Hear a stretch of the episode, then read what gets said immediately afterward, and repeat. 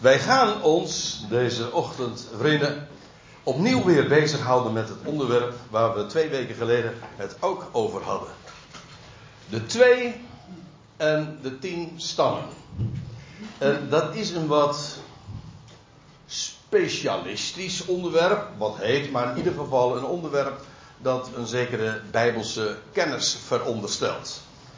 Je wordt geacht te weten dat er twaalf stammen zijn, van Israël wel te verstaan. En hoe die twee, hoe die twaalf stammen ook uh, op een gegeven ogenblik verdeeld zijn geraakt enzovoorts. En ik heb de vorige keer daar natuurlijk al heel wat over verteld, maar ik zie dat er toch een heel aantal mensen zijn die daar de vorige keer niet bij waren. En ik zou het risico dus lopen dat die op voorhand eigenlijk al afhaken, omdat uh, het niet helemaal duidelijk is uh, waar het over gaat. Maar dat risico wil ik niet lopen. Ik wil het uh, in die zin laagdrempelig houden.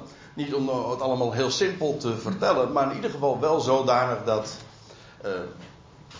achtergrondkennis geen, of gebrek daaraan geen obstakel is om mee te, meegenomen te worden in het verhaal en in dat wat, wat vanmorgen zo verteld wordt.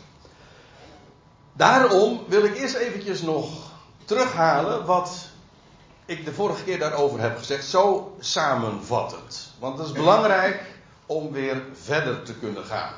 Ik heb de vorige keer trouwens ook verteld wat over de aanleiding en dat er hele wilde theorieën de ronde doen over de, met name dan de tien stammen, de verloren tien stammen. Ja, waar zijn die terechtgekomen? Ik heb met name ook voor het voetlicht gebracht het idee. En ik moet u zeggen, ik ben daar ook het, uh, in het verleden zelf ook het meest, uh, verreweg het meest door gecharmeerd geweest. Namelijk dat die terechtgekomen zijn in de Anglo-Saxische volkeren. En dat wij wellicht ook nog zelfs uh, directe nakomelingen van die tien stammen zijn. Nou, dat was de aanleiding. Want dat heeft nogal wat implicaties, zoals dat heet. want nou, laat ik eerst eens eventjes uh, vertellen hoe het helemaal in elkaar steekt. Dat wil zeggen, even gewoon vanaf het begin. Kijk.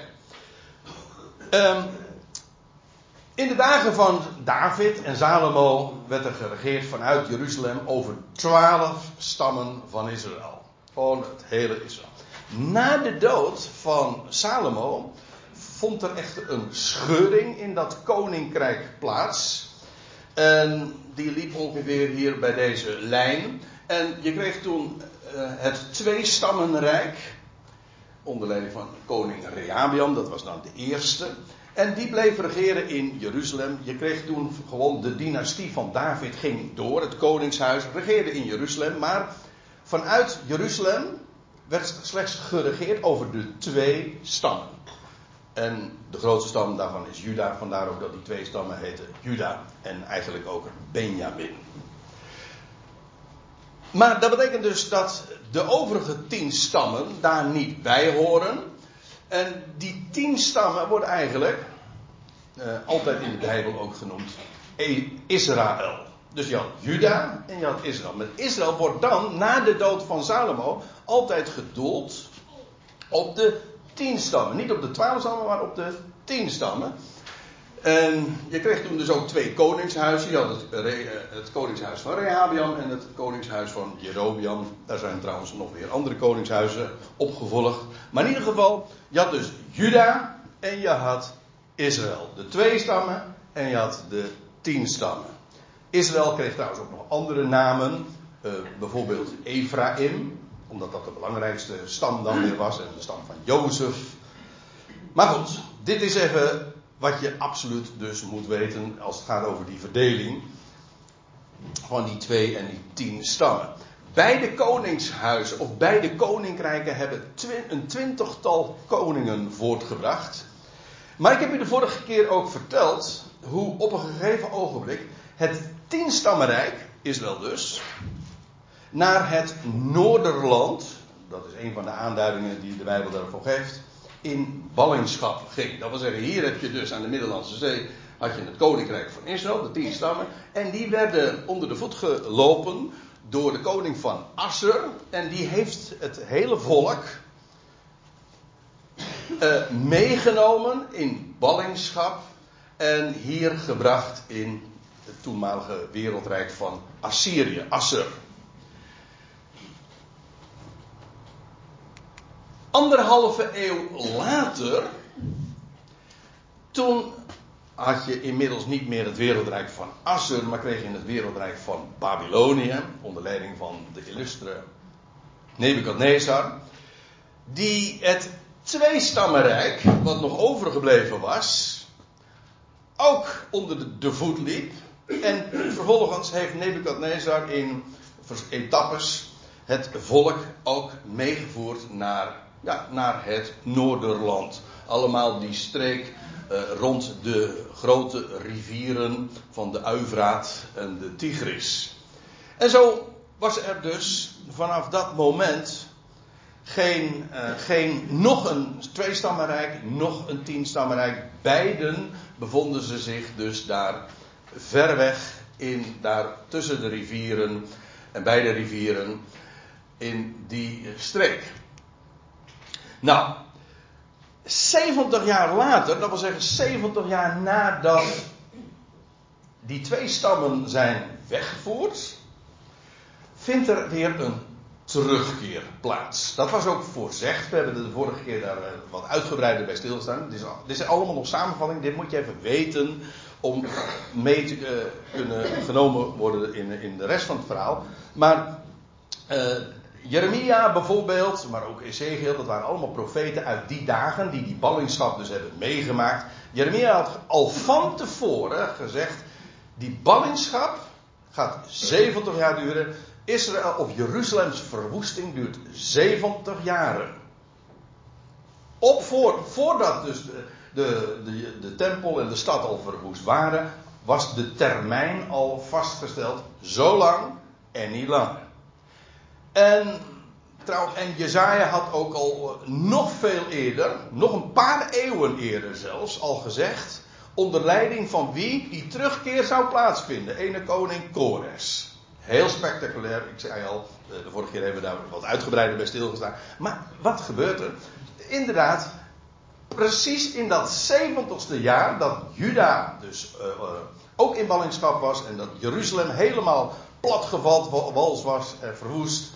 De tempel in vlammen was opgegaan, dat geweldige wereldwonder dat ooit gebouwd was door Salomo. Wel, 70 jaar later uh, zegt Kores, heel het volk, wie zich ook maar daartoe geroepen voelt, mag heel het volk mag terugkeren naar Jeruzalem om daar de tempel te herbouwen.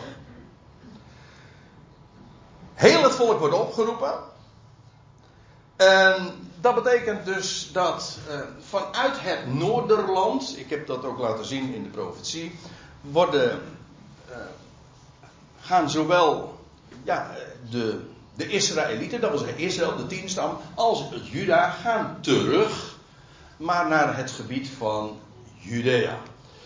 Sinds die tijd, dat is ook belangrijk, sinds die tijd dateert ook de, de term Jood. Voor die tijd werd, werd nooit gesproken over Joden. Het is pas vanaf deze tijd dat er gesproken wordt over Jood.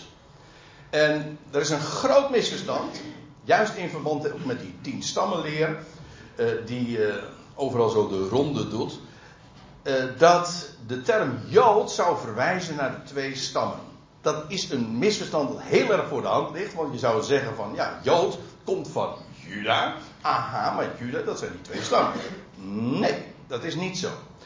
Jood verwijst inderdaad naar Juda, maar dat komt omdat onder leiding van Kores het hele volk wat in ballingschap was, of dat nou van de tien of de twee stammen, dat onderscheid speelde geen rol. Iedereen van het volk kon naar Jeruzalem terugkeren, maar Jeruzalem lag in het gebied van Juda. Dus iedereen die georiënteerd was om dat huis te bouwen en godsdienstig uh, gekoppeld was aan die stad, ja, die ging dus naar Juda. Die was daar, was gericht op Juda. En vandaar dat iedereen van dat volk dus Jood werd genoemd. Iemand die georiënteerd was op Juda. Namelijk de streek, het gebied waar Jeruzalem zich bevond. Dat verklaart de term Jood. Heeft dus niks te maken met de afkomst van welke stam dan ook. Jood verwijst naar inderdaad het gebied van Juda waar Jeruzalem ligt. Dat is belangrijk zodat het dus niet waar is dat Men zegt, ja, Juda, de term Jood, dat is, verwijst alleen maar naar de twee stammen en niet naar de tien stammen. Nou, daar hebben we het de vorige keer wat uitgebreider over gehad. Maar dat is dus niet waar. Ik moet erbij zeggen, onder leiding van Kores keert inderdaad het volk terug. Maar ik moet er tegelijkertijd bij zeggen, uh, het was slechts een relatief klein deel. Als het gaat om dat wat uh, van de twee stammen terugkeerde, dat was uh, 42.000 wordt het getal genoemd. Met name Esra spreekt daarover. Maar het, het boek Esra bedoel ik. Maar het, dat is ook iets wat je even goed vast moet houden in verband met dit onderwerp. Een relatief klein deel keer terug, ja. Maar het teruggekeerde volk heet Israël. Ook al is het maar een klein deel, een klein overblijfsel, zoals dat in de Bijbel heet, een kleine rest. Het vertegenwoordigt het geheel. En het teruggekeerde volk heet nooit Juda, heet altijd Israël. Het vertegenwoordigt namelijk, of representeert, alle twaalf stammen. Dat zie je dus ook bijvoorbeeld wanneer er een altaar wordt opgericht, dan was dat met, met twaalf stenen, en er staat er nog heel uitdrukkelijk bij, representerend of vertegenwoordigend alle stammen van Israël.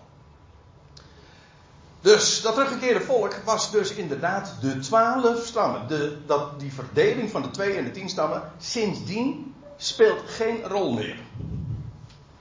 Ja, en ik zei al, Jeremia had al geprofiteerd dat Juda en Israël, dus de twee en de tien stammen, samen vanuit het Noorderland zouden terugkeren. En dat is toen ook daadwerkelijk gebeurd. Al was het maar een klein deel dat daadwerkelijk terugkeerde. En het overgrote deel is gewoon in de ballingschap gebleven. Al of niet vasthoudend aan de God van Israël. Een groot gedeelte, maar daar gaan we het nu dus uitgebreider over hebben.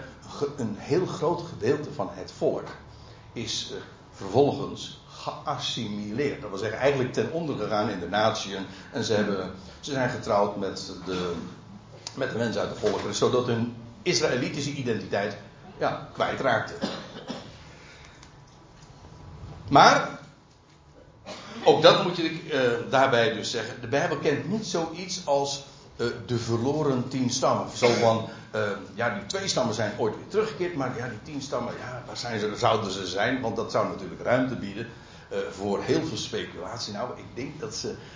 er zijn heel veel antwoorden op gegeven. Ik zei al, met name dan die gedachte dat ze in in Noordwest-Europa terecht zouden zijn gekomen.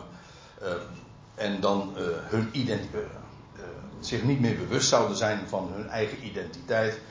Dat verhaal is heel hardnekkig. Eigenlijk, ik zal u ook eerlijk vertellen, dat is ook de directe aanleiding voor deze tweetal studies. Ik vind trouwens sowieso van belang voor het verstaan van de Bijbelse geschiedenis om dit, dit te kennen, te weten hoe dit in elkaar steekt. Goed, ik wil nog even een paar dingen aanvullen daarop, uh, in dat verband. Want uh, sinds de Babylonische ballingschap, dus sinds dat die, ook die twee stammen eh, naar het Noorderland zijn weggetrokken, sinds die 70 jaren, is Israël nooit meer een koninkrijk geweest. Dat wil zeggen, het volk keerde weliswaar terug toen onder leiding van die wereldheerser Kores. Jawel, maar het volk is altijd een provincie geweest van de wereldrijken die elkaar zo opvolgden. Nooit meer een zelfstandig koninkrijk geweest onder leiding van iemand uit het koningshuis van David. Dat is belangrijk. Dus ondanks het feit dat het volk weer teruggekeerd was, Israël was teruggekeerd, het was geen koninkrijk. En ze hadden dus ook geen Davidische koning. Iemand uit de, uit de dynastie, het koningshuis van David. En dat is ook belangrijk. En dan wil ik u ze meenemen naar een, uh, de profeet Ezekiel. En dat is in hoofdstuk 37, dat is een, een magistraal hoofdstuk. Dat spreekt ook over het herstel van Israël, het gehele Israël. En hoe dat als uit de doden zal opstaan. En zal herrijzen. En we weten weer van andere profeten wanneer dat ook zal zijn, na twee dagen, na twee millennia. Afijn, eh, in dat Ezekiel 37. Dat is een begrip. Voor de kenners van de profetie weten, Ezekiel 37, dat is zo'n hoofdstuk ja, dat eruit springt. Ezekiel die profeteert, op een gegeven moment dan krijgt hij te horen van, van God dat hij uh, een stuk hout moet nemen. En daar moest hij iets op graveren. Namelijk Juda. En dan moest hij nog een stuk hout nemen. En daar moest hij ook wel iets op graveren, namelijk Ephraim of Israël. En dan staat er, en dan moest hij die twee stukken hout. Dat je ziet het hier afgebeeld in, uh, op dat plaatje. Die twee stukken hout moet hij dan bij elkaar brengen. Het was gewoon dus uh, illustratief onderwijs. Hij moest dat voor zijn volksgenoten ook demonstratief doen. Die twee stukken hout, twee, tien stammen, Juda, Ephraim, die moest hij bij elkaar brengen en in zijn ene hand houden. En dan staat er ook, als nou je volk gaat vragen, wat betekent dat? Nou, zegt God, dan zeg je dit. En dan gaan we naar Ezekiel 37. Zo zegt mijn Heer, jawel. Dat, dat zou Ezekiel dus moeten antwoorden uh, aan zijn volksgenoten. Aanschouw. Ja, dit was aanschouwelijk onderwijs. Ik, hoofdletter, God. Zo zegt mijn Heer Jawel. Aanschouw. Ik neem de zonen van Israël uit het midden van de natieën. Dit is trouwens een aanwijzing dat dit gaat over een, nog weer een andere ballingschap. Dat wil zeggen, niet die ballingschap die alleen maar naar het Noorderland ging, maar Israël zou op een later tijdstip verstrooid worden onder alle volkeren. Ik neem de zonen van Israël uit het midden van de natieën waarheen zij gingen. En vandaar zal ik hen bijeenroepen. En hen van rondom brengen naar hun grond. God heeft een plan met Israël. En dat laat hij nooit varen. Hij laat het volk wel los bij gelegenheid, maar nooit varen. Dat doet hij trouwens nooit met het werk van zijn handen. Dat is nogal geweldig. Hè? Dat, is dat is die basis van het goede bericht waar ik het eerder over had. Maar fijn. Hij zou ze bijeenroepen. En vervolgens uit alle naties zou hij hen brengen naar hun grond. Dat wil zeggen, die, dat stuk grond dat hen van oudsher was toegezegd. Het beloofde land. Nou, en dan staat er in vers 22. En ik, hoofdletter, jawel, maak hen tot één natie. In het land, op de bergen van Israël. En één koning zal over hen allen tot koning zijn. Zij zullen niet meer twee naties zijn. Zo in de dagen van Ezekiel, die, leefde in die tijd van de ballingschap, was het altijd nog, uh, ja, al sinds eeuwen, en Juda en heel twee. Twee koninkrijken. Maar, nou zegt God, er komt een dag, namelijk wanneer ik alle Israëlieten verzamel uit alle naties en hen breng op hun grond, dan maak ik hen één natie en dan zal er één koning zijn, één herder, één kudde. Later verwijst de Heer Jezus daar in Johannes Evangelie ook naar. Het zal worden één kudde, één herder. En zij zullen niet meer twee naties zijn en niet meer verdeeld in twee koninkrijken. Dus na de verzameling uit de volkeren en onder leiding van die ene koning wordt Israël weer één koninkrijk. Pas dan. Want ook, en dat zeg ik er dus nu dus even bij, en ik herinner eraan. Ook in de dagen van Kores, toen het hele volk terugkeerde. Dat is waar, dat wil zeggen, het hele volk werd gerepresenteerd, de twaalf stammen. Het is nooit meer een koninkrijk geweest. Het is nooit één koninkrijk geweest.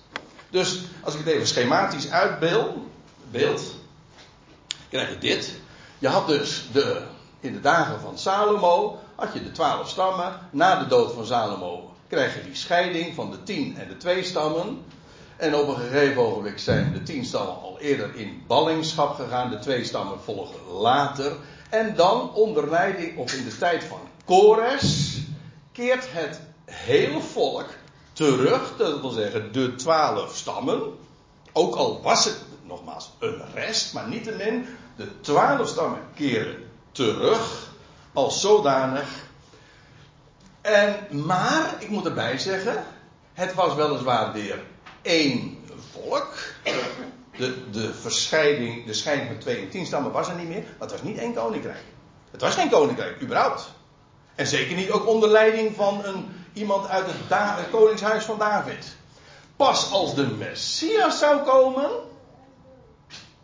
de ene koning, de ene herder, de uiteindelijke, de definitieve, dan zou het worden één koninkrijk. Pas dan wordt het weer zoals het ooit was in de dagen van Salomo, de zoon van David. Leuk hè, trouwens. Het wordt weer zo, het, het wordt weer zoals het was in de dagen van de zoon van David, als de echte zoon van David zal regeren. Want de Messias, ja, hij, wij weten hij is gekomen, hij is nu verborgen, hij zal terugkomen en dan zal hij inderdaad van wat ooit uh, twee koninkrijken waren, zal hij tot één koninkrijk maken. En daarmee weer de situatie herstellen zoals dat ooit was in de dagen van Salomo en sindsdien nooit meer geweest is. Dus pas dan wordt het weer één koninkrijk. Ziet u? Dus dat je de twaalf stammen keerde inderdaad terug onder leiding maar het was nog niet één koninkrijk. Dat is dus uh, het grote verschil ook met wat er zal gebeuren als eenmaal in de nabije toekomst, als, als heel, alle Israëlieten uit de hele wereld verzameld zullen worden naar hun grond, ja, dan wordt het weer één koninkrijk. Zoals dat 3000 jaar lang niet meer één koninkrijk is geweest. 3000 jaar. Dat wordt dan weer hersteld. Ja. Als nooit tevoren in een glorie die. Eh, waar de, eh, de dagen van Salomo, en dat was een geweldig wereldrijk trouwens ook, eh, niet aan kan tippen. Niet eens in de schaduw kan staan. Nou, wil ik nog een aanvulling, uh, opmerking maken. Nergens in het Nieuwe Testament worden de tien stammen apart van de twee stammen gezien. Er zijn. Uh, momenten.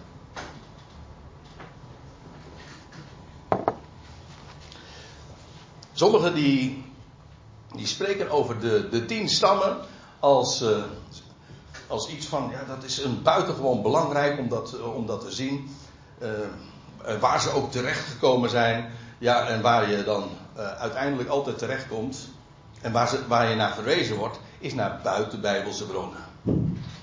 Heel interessant, maar het heeft geen gewicht in de staal. De Bijbel, eh, kijk het hele Nieuwe Testament. In het hele Nieuwe Testament lees je zelfs niet ene keer over de tien stammen. En ook helemaal niet over een verloren tien stammen.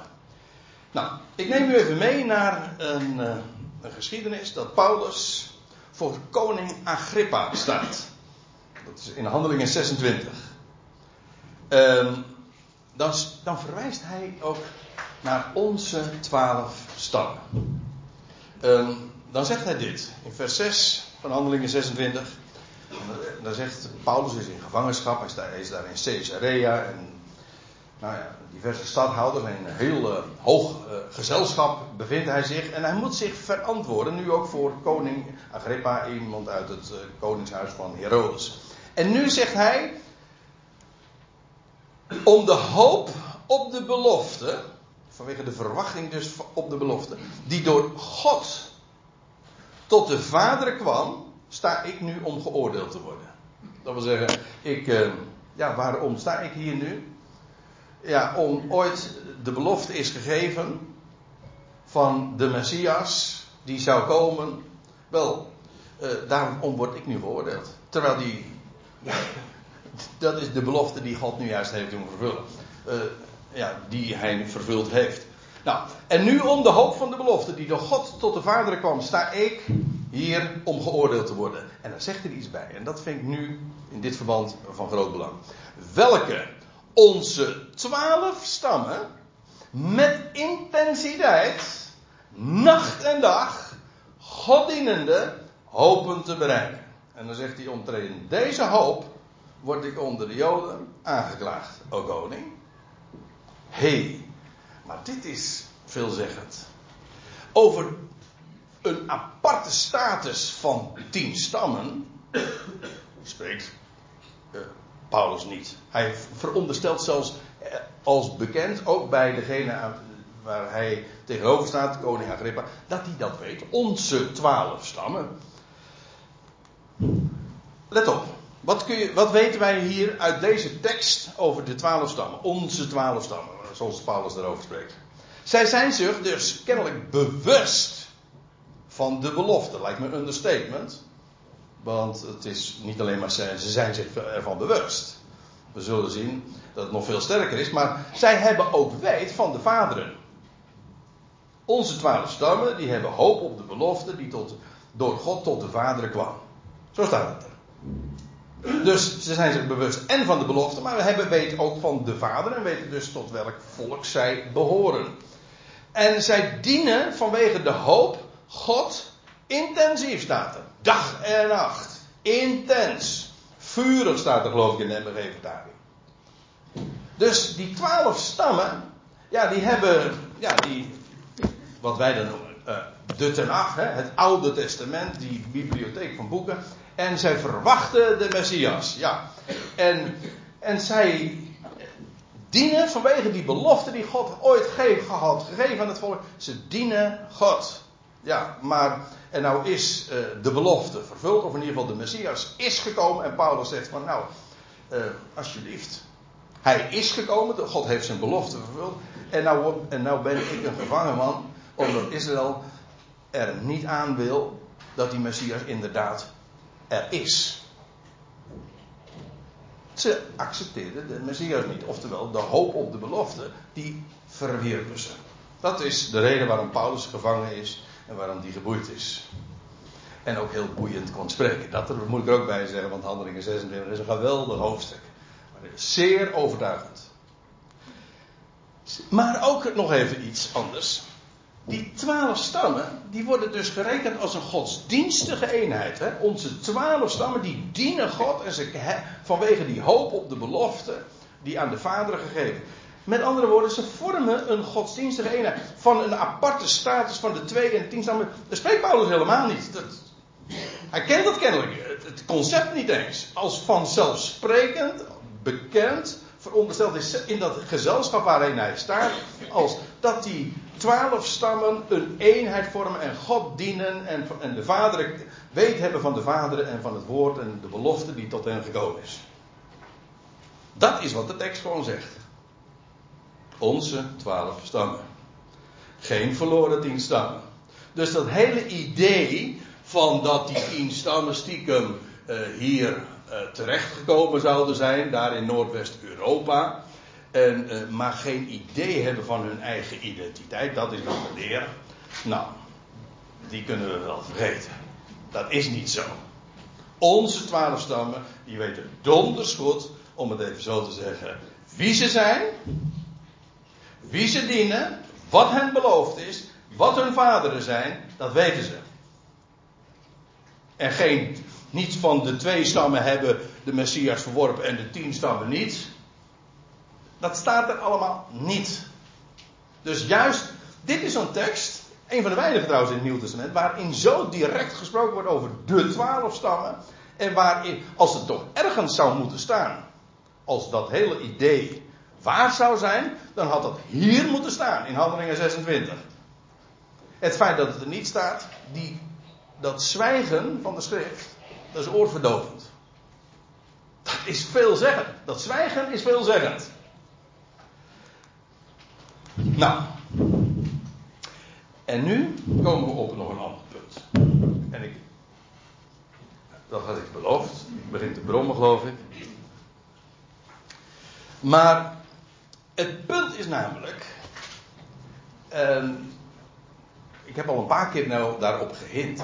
Na, gehint dat. Natuurlijk. Uh, die twaalf stammen. die zijn bekend. Nou, we hebben dat gezien. Ze dienen God. Maar. we moeten ook niet de ogen ervoor sluiten. Dat er velen. zijn vervreemd geraakt van Israël. Wij noemen dat dan, ja, we hebben er verschillende termen voor. En we, noemen, we spreken meestal over assimilatie. Weet je wel, dat dan uh, de, de, Joden komen ergens. En, maar een deel houdt vast aan haar identiteit. Een ander deel verliest uh, ja, hun Joodse oorsprong, hun Joodse wortels. En, uh, en vervolgens gaat het ten onder, ja, onder de natie. En ze, ze trouwen, ze krijgen kinderen met anderen. En, kortom, hun Joodse identiteit verdwijnt daarmee. En zodat er een heel uh, uh, veel mensen zijn onder de natieën die wel degelijk Joodse wortels heeft. Joodse wortels hebben, moet ik zeggen. Dat wil zeggen, die in, hun stamboom wel degelijk ook mensen uh, aantreft, die allemaal terug te voeren zijn tot Israël. Het zijn dus eigenlijk ex-Israëlieten. Dat zijn eigenlijk dus mensen die ooit wel bij dat bond hoorden, bij dat volk. En uh, ook de voorrechten daarvan genoten. Ook bijvoorbeeld, het is de belangrijkste eigenschap daarvan, het meest uh, karakteristieke ook. Het, het, volk dat besneden is, hè, dat besneden wordt ten achtste dagen, de jongens daarvan. En ja, als dat dan, dat kenmerk dan kwijtraakt, ja, dan gaan ze dus ten onder in, onder de natie. Feitelijk zijn dat de, degenen, uh, dat zijn de meest heidense, zeg maar. Je hebt gewoon de natie die nooit deel uitmaakten van Israël. Maar je hebt ook mensen die ooit wel deel uitmaakten van Israël. Maar die onder de natie, zeg maar, helemaal hun Joodse roots en, eigen, en, en voorrechten compleet kwijtgeraakt zijn. Paulus spreekt erover in Efeze 2. Ik neem u even mee daarmee. Want er is iets heel bijzonders mee aan de hand. Met dat fenomeen. Dat er velen van Israël onder de natieën verdwenen zijn. Efeze 2, vers 11, daar staat dit. Daarom herinner je jullie eens de natieën in vlees, zegt Paulus, dat is een letterlijke weergave, die voorhuid genoemd werden, ja, namelijk door de zogenaamde besnijderis. Vlees met mensenhanden. Waar Paulus het hier over heeft, is, is dit dat ja, onder de Joden werden degenen van de natieën, de niet-Joden, de heidenen, die werden voorhuid genoemd. waar de voorhuid niet dus van weggenomen onbesnedenen. We kennen allemaal ook de uitdrukking eh, een onbesneden Filistijn. Dat was eigenlijk de wijze waarop Israël neer, ook neerkeek op de natie. Zij hadden geweldige voorrechten van Gods wegen gekregen. En de natie, ja, die hadden daaraan geen deel. Om de onbesneden, de voorhuid, zo werden ze genoemd door de zogenaamde besnijders. Nou ja, zegt Paulus, dat is wel natuurlijk besnijdenis, eh, werk van mensenhanden, maar dat is nog weer een verhaal apart.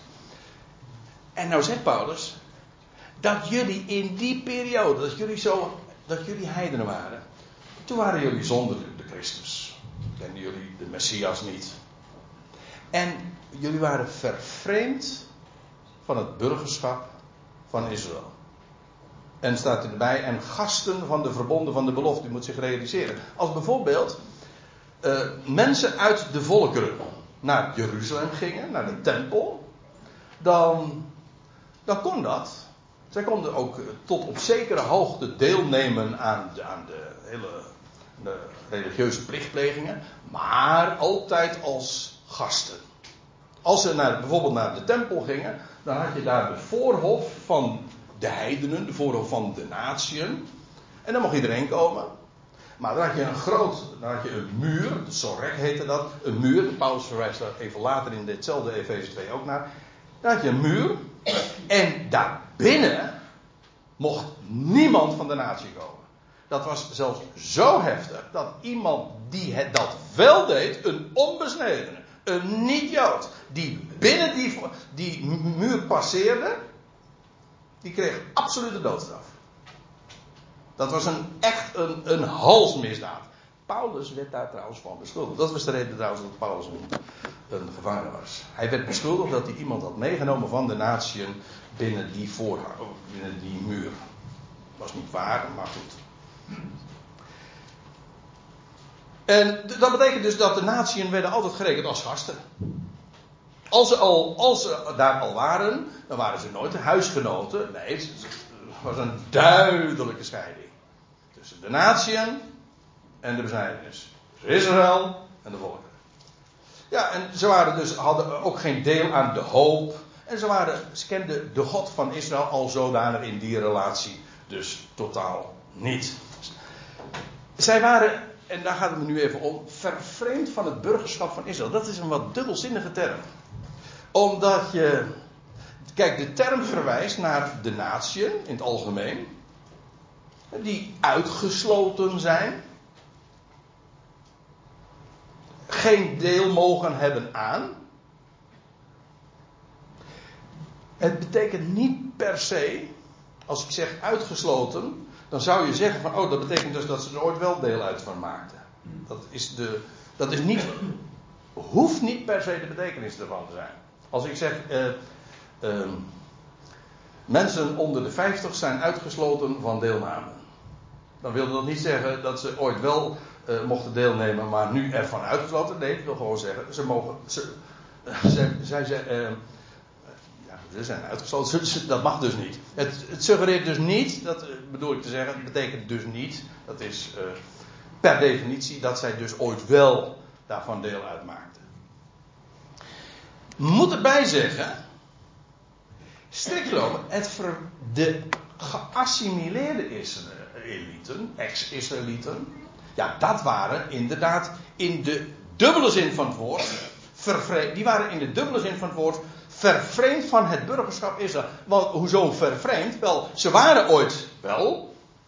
Gewoon, ze maakten deel uit van het volk. Maar in de loop der tijd, van de generaties, zijn ze ervan vervreemd geraakt. En dat betekent dus, wat Paulus hier in deze hoofdstukken in Efeze naar voren brengt. Kijk, Israël als volk verwerpt het evangelie. Namelijk de boodschap van de opgestane Messias. Tot op de dag van vandaag. Ze hebben de schriften. Ze dienen God. Ze zien uit naar de verwachting. Maar nu hij de Messias gekomen is, ze verwerpen de Messias. Ze zijn vijanden van het evangelie. Nou, vervolgens, het volk verwerpt het. En wat is er gebeurd? En Paulus is daar het embleem van het heil, de boodschap van redding, is naar de natie gegaan. Op een veel grotere wijze zoals dan ooit uh, gedacht kon worden. Ik bedoel, de, de boodschap was in eerste instantie: als jullie tot Israël, tot erkenning komen van de Messias, dan keert hij terug en dan, gaat er, en dan zal hij zijn koninkrijk gaan vestigen en dan heel de wereld gaat daarin delen. En wat gebeurde er? Dat is het verhaal van het Nieuwe Testament. Dus de, het boek Handelingen in een notendop. Israël verwierp het. Ze moesten de Messias niet. Paulus' boeien zijn daar eigenlijk ook een embleem van. Israël als volk verwerpt die boodschap. En wat, wat is er gebeurd? Vervolgens is er een boodschap van verzoening. Naar de hele wereld gaat. Hun verwerping, zegt Paulus in Romeinen 11. Dat wil zeggen, zij hebben het, het evangelie verworpen. Hun verwerping, ja, maar dat is de verzoening van de wereld. Die boodschap. Dat de wereld verzoend wordt. En dat hij de redder is van deze hele wereld. Ja, die is toen via Paulus naar de natie gegaan. Maar, let op. Nou komt het. Die boodschap dus. Van de redder. En van de verzoening der wereld. Die ging nu naar de natie. Maar daarmee dus ook naar die ex-Israëlieten. Naar hen die in feite het minst aanspraak konden maken. Eh, ex-Israëlieten. Dat waren maar niet zomaar heidenen, dat waren eigenlijk de ergste heidenen. Mensen namelijk die door hun eigen schuld heidenen waren geworden en vervreemd waren van Israël. Wat Paulus zegt, nu het heil naar de heidenen gaat, komt het dus feitelijk ook weer bij het verloren Israël terecht. God zoekt het verloren. Het wat het diepst gezakt is, juist daar komt het terecht. En daar zijn nogal wat verwijzingen naar in Paulus' brieven. Maar laat ik u eens meenemen naar Genesis 48. Ja, een, uh, er, waren, er waren, een veelheid van schriftplaatsen die ik uh, vanmorgen zal de revue kon laten passeren. Maar ik wil het, ik wil een beetje strak houden. Uh, deze wil ik u niet onthouden. Dan gaan we helemaal terug in de geschiedenis. Jacob, die aan het einde van zijn leven Jozef gaat zeggen. U weet het, Jozef was niet de eerstgeborene. Sterker nog, hij was zo'n beetje de laatstgeborene van zijn kinderen. Maar hij kreeg wel het eerstgeboorterecht. De eerstgeboortezegen. Hij was trouwens wel de eerstgeborene van zijn geliefde vrouw. Rachel. Ja, dat wel. Dan wordt Jozef, Jozef krijgt die eerstgeboortezegen. Maar dan wordt, Jozef was inmiddels vader geworden. Hij was de onderkoning daar in Egypte. En die oude Jacob, die gaat de zonen van Jozef zegenen. En Jozef had twee zonen. Manasse en Ephraim. Manasse was de oudste. Ephraim was de jongste. De kleinere. En Manasse wordt dus aan de rechterkant van Jacob, van de oude Jacob, neergezet. En Ephraim aan de linkerkant. Zo van, nou, je rechterhand Jacob, die kun je leggen op, de, op het hoofd van Manasse. Dat is immers de oudste. Die, die krijgt dus na Jozef het eerstgeboorterecht. De eerstgeboortezegen. Wat doet Jacob? Dat hij, je zou zeggen, hij legt zijn rechterhand op het hoofd van Manasse en zijn linkerhand op het hoofd van Ephraim. Wat doet hij? Hij kruist zijn armen, zoals je hier dat in dat, nou ja, dat plaatje is wel heel erg, uh, hier op mijn computer zie ik het duidelijker. Ja, nou ja, als ik het, uh, daar, daar ga ik nog wat aan doen. Hij kruist zijn armen. Dat gaat precies omgekeerd. Dat is trouwens het hele verhaal in het boek Genesis. Iedere keer, alle generaties door, gaat precies. Het gaat, het gaat, de eerstgeboortezegen gaat niet naar de eerste. Het gaat altijd anders dan dat je zou verwachten. Je zou verwachten, het gaat naar degene die na, qua natuur, qua afkomst daar het meeste aanspraak op kan maken. Ja, naar wie zou het eerstgeboorterecht gaan? Ja, natuurlijk, naar degene die eerst geboren is. Nee, dat gaat niet zo. Het werkt altijd anders. Dat zie je in de dagen van Abraham, dat zie je in de volgende generatie van Isaac. Je kent allemaal het verhaal van Jacob en Esa. We kennen het verhaal dan in de dagen van Jacob. Iedere keer herhaalt het zich. Het is een vast patroon. Het gaat net anders dan verwacht. En dan legt hij dus de rechterhand op even. En dan wordt hij gecorrigeerd. Van, uh, wacht even, dat, je doet fout aan Jacob. En dan zegt Jacob dit. Genesis 48. Als die gecorrigeerd wordt. En dan staat er, en zijn vader, dat wil zeggen, Jozef corrigeert zijn vader. En, dan zegt ja, en zijn vader Jacob dus, vader Jacob, ja. Die sliep niet hoor. Nee, helemaal niet. Het scheelt niet veel, want hij zou bijna ontslapen. Maar hij sliep nog niet. En die wist heel goed wat hij deed. En hij zei, hij weigerde hij zei, ik weet het mijn zoon, ik weet het. Ik doe het fout, zegt ja, ja, tussen aanhalingstekens. Ook hij, Manasse, zal tot een volk worden. Want ja, Jacob, eh, Jozef dacht, maar wacht even, nou wordt de oudste zoon, krijgt, eh, krijgt nou niet die zegen. Hij zegt, ook, ook hij, Manasse, zal tot een volk worden. En hij zal groot worden. En niettemin zal zijn kleine broer, zijn jongere broer, Ephraim dus, groter zijn dan hij. Ook een groter volk worden. Dat is ook zo vervuld. Maar er staat nog iets bij. En zijn zaad zal een volheid van natie worden. Heel cryptisch. Heel geheimzinnig. Want niet alleen wordt hier van Ephraim gezegd dat hij tot een groot volk, een groter volk zal worden. Maar ook dat zijn zaad, zijn nakomelingen, bij de natieën terecht zouden komen. Natieën, dat wil zeggen niet Israël, hè? Een volheid zelfs. Hé. Hey, dus uiteindelijk, wat hier gebeurt, die eerstgeboortezegen, die komt bij de natieën terecht. Dat is wat er staat. Nou. En dan, wat is het? Bijna 2000 jaar later Jacob, dit was ergens 19 eeuwen voor, voor Christus. En dan inderdaad in de eerste eeuw schrijft Paulus een brief aan de Romeinen. En dan heeft hij het over het fenomeen dat Israël niet gelooft. En hoe door het ongeloof van Israël het heil, de boodschap, het evangelie, de, een nog een veel grotere boodschap die aan hem was toevertrouwd, naar de natieën is gegaan. En nu heeft God als het ware de, de poorten van genade wagenwijd opengezet. En het koninkrijk wordt in, is niet openbaar geworden. Nee, maar er is iets. God doet een, een verborgen, een geheim werk onder de natie.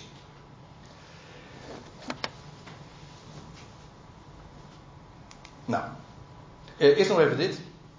Uh, Ephraim zou dus een groot volk worden, maar zijn zaad zou ook vol onder de natieën, onder de Goyim, de natieën, gerekend worden.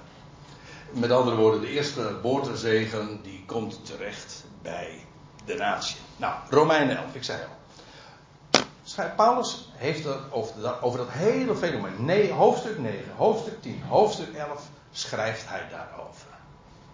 En dan vertelt hij ook dat hoewel Israël nu tijdelijk op een zijspoor staat, God weer de draad gaat oppakken met dat volk. Maar ondertussen, in die tijd, dat dat nog niet het geval is, is daar iets aan de hand. Dat wil zeggen, doet God een verborgen, een geheim, of zo wilt, een cryptisch werk. En dan zegt hij dit in vers 25. Want ik wil niet dat jullie onwetend zijn, broeders. Hier, broeders in Rome. Onwetend zijn van dit geheim of deze verborgenheid.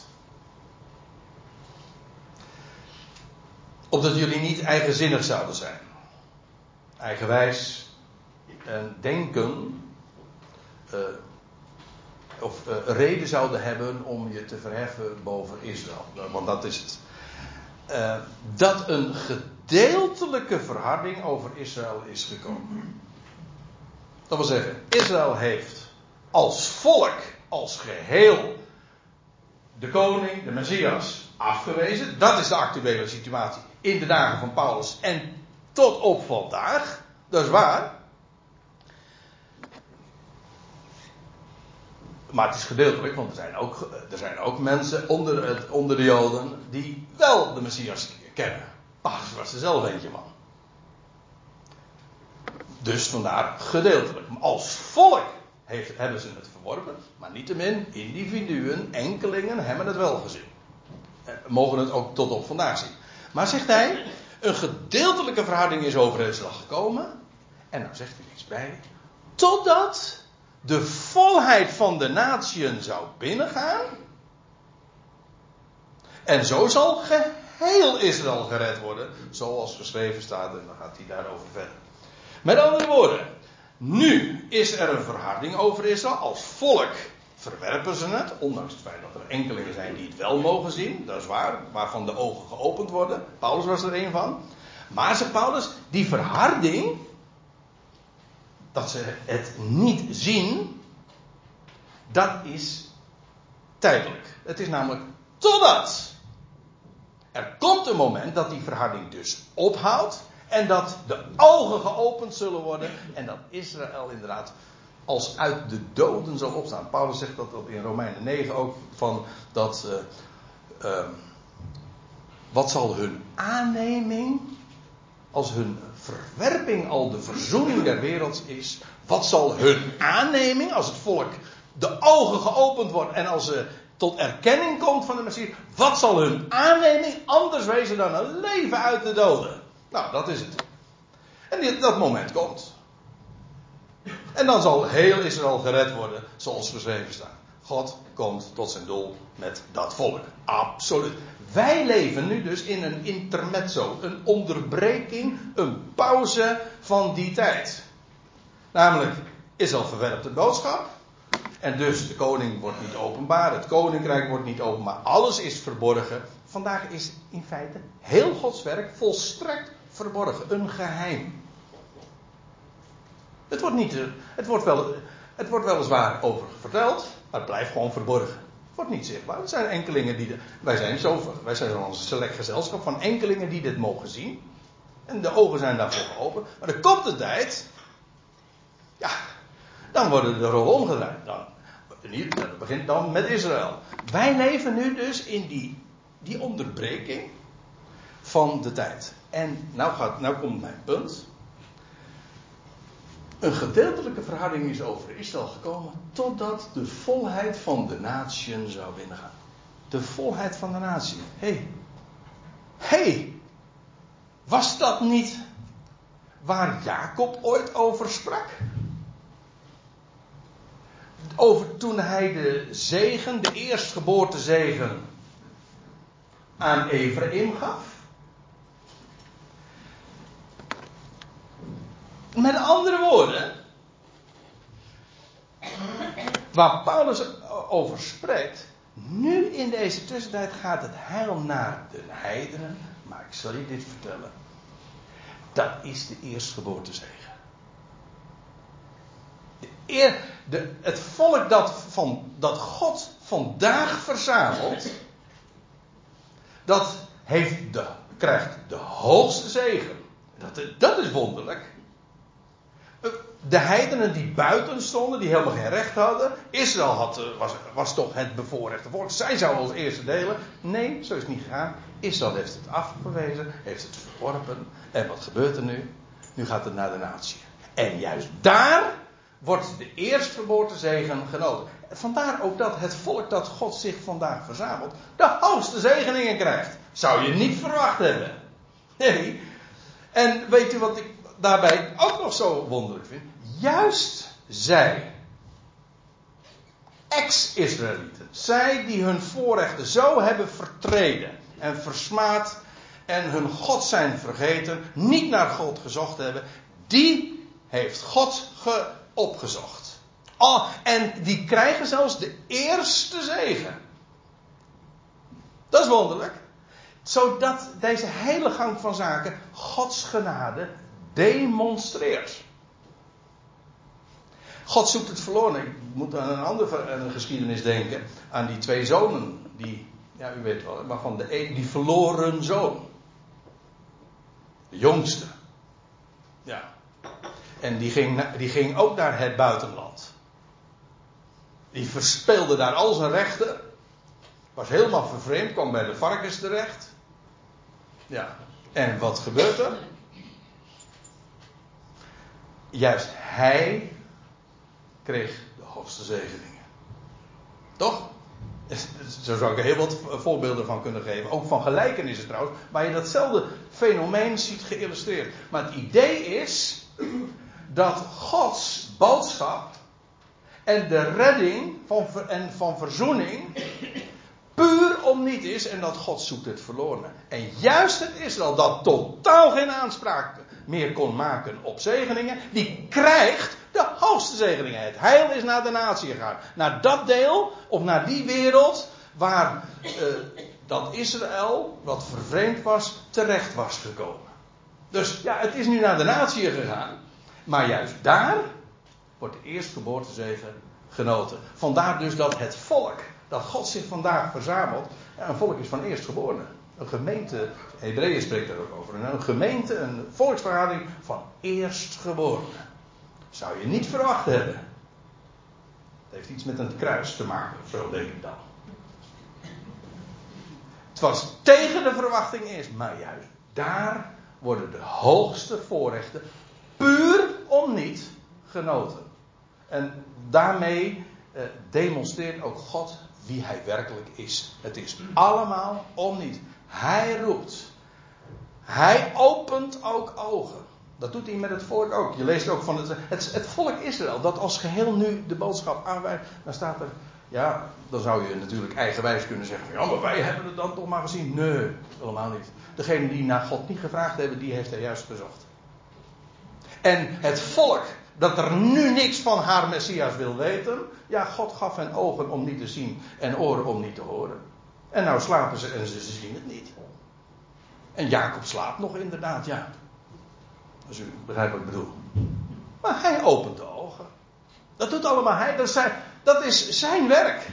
En dat is nou juist het geweldige van het evangelie. Het is inderdaad, ik begon de samenkomst ermee. Het is een goed bericht. Het is een mededeling van wie hij is. En hij maakt alle dingen op zijn tijd wel. En deze tijd demonstreert, ik bedoel deze 2000 jaren, deze twee millennia, deze twee dagen van duizend jaar, de periode is bijna ten einde, de derde dag gaat bijna beginnen. Deze twee dagen, daarin klinkt de boodschap van de verzoening der wereld. Wat een voorrecht om dat te mogen kennen.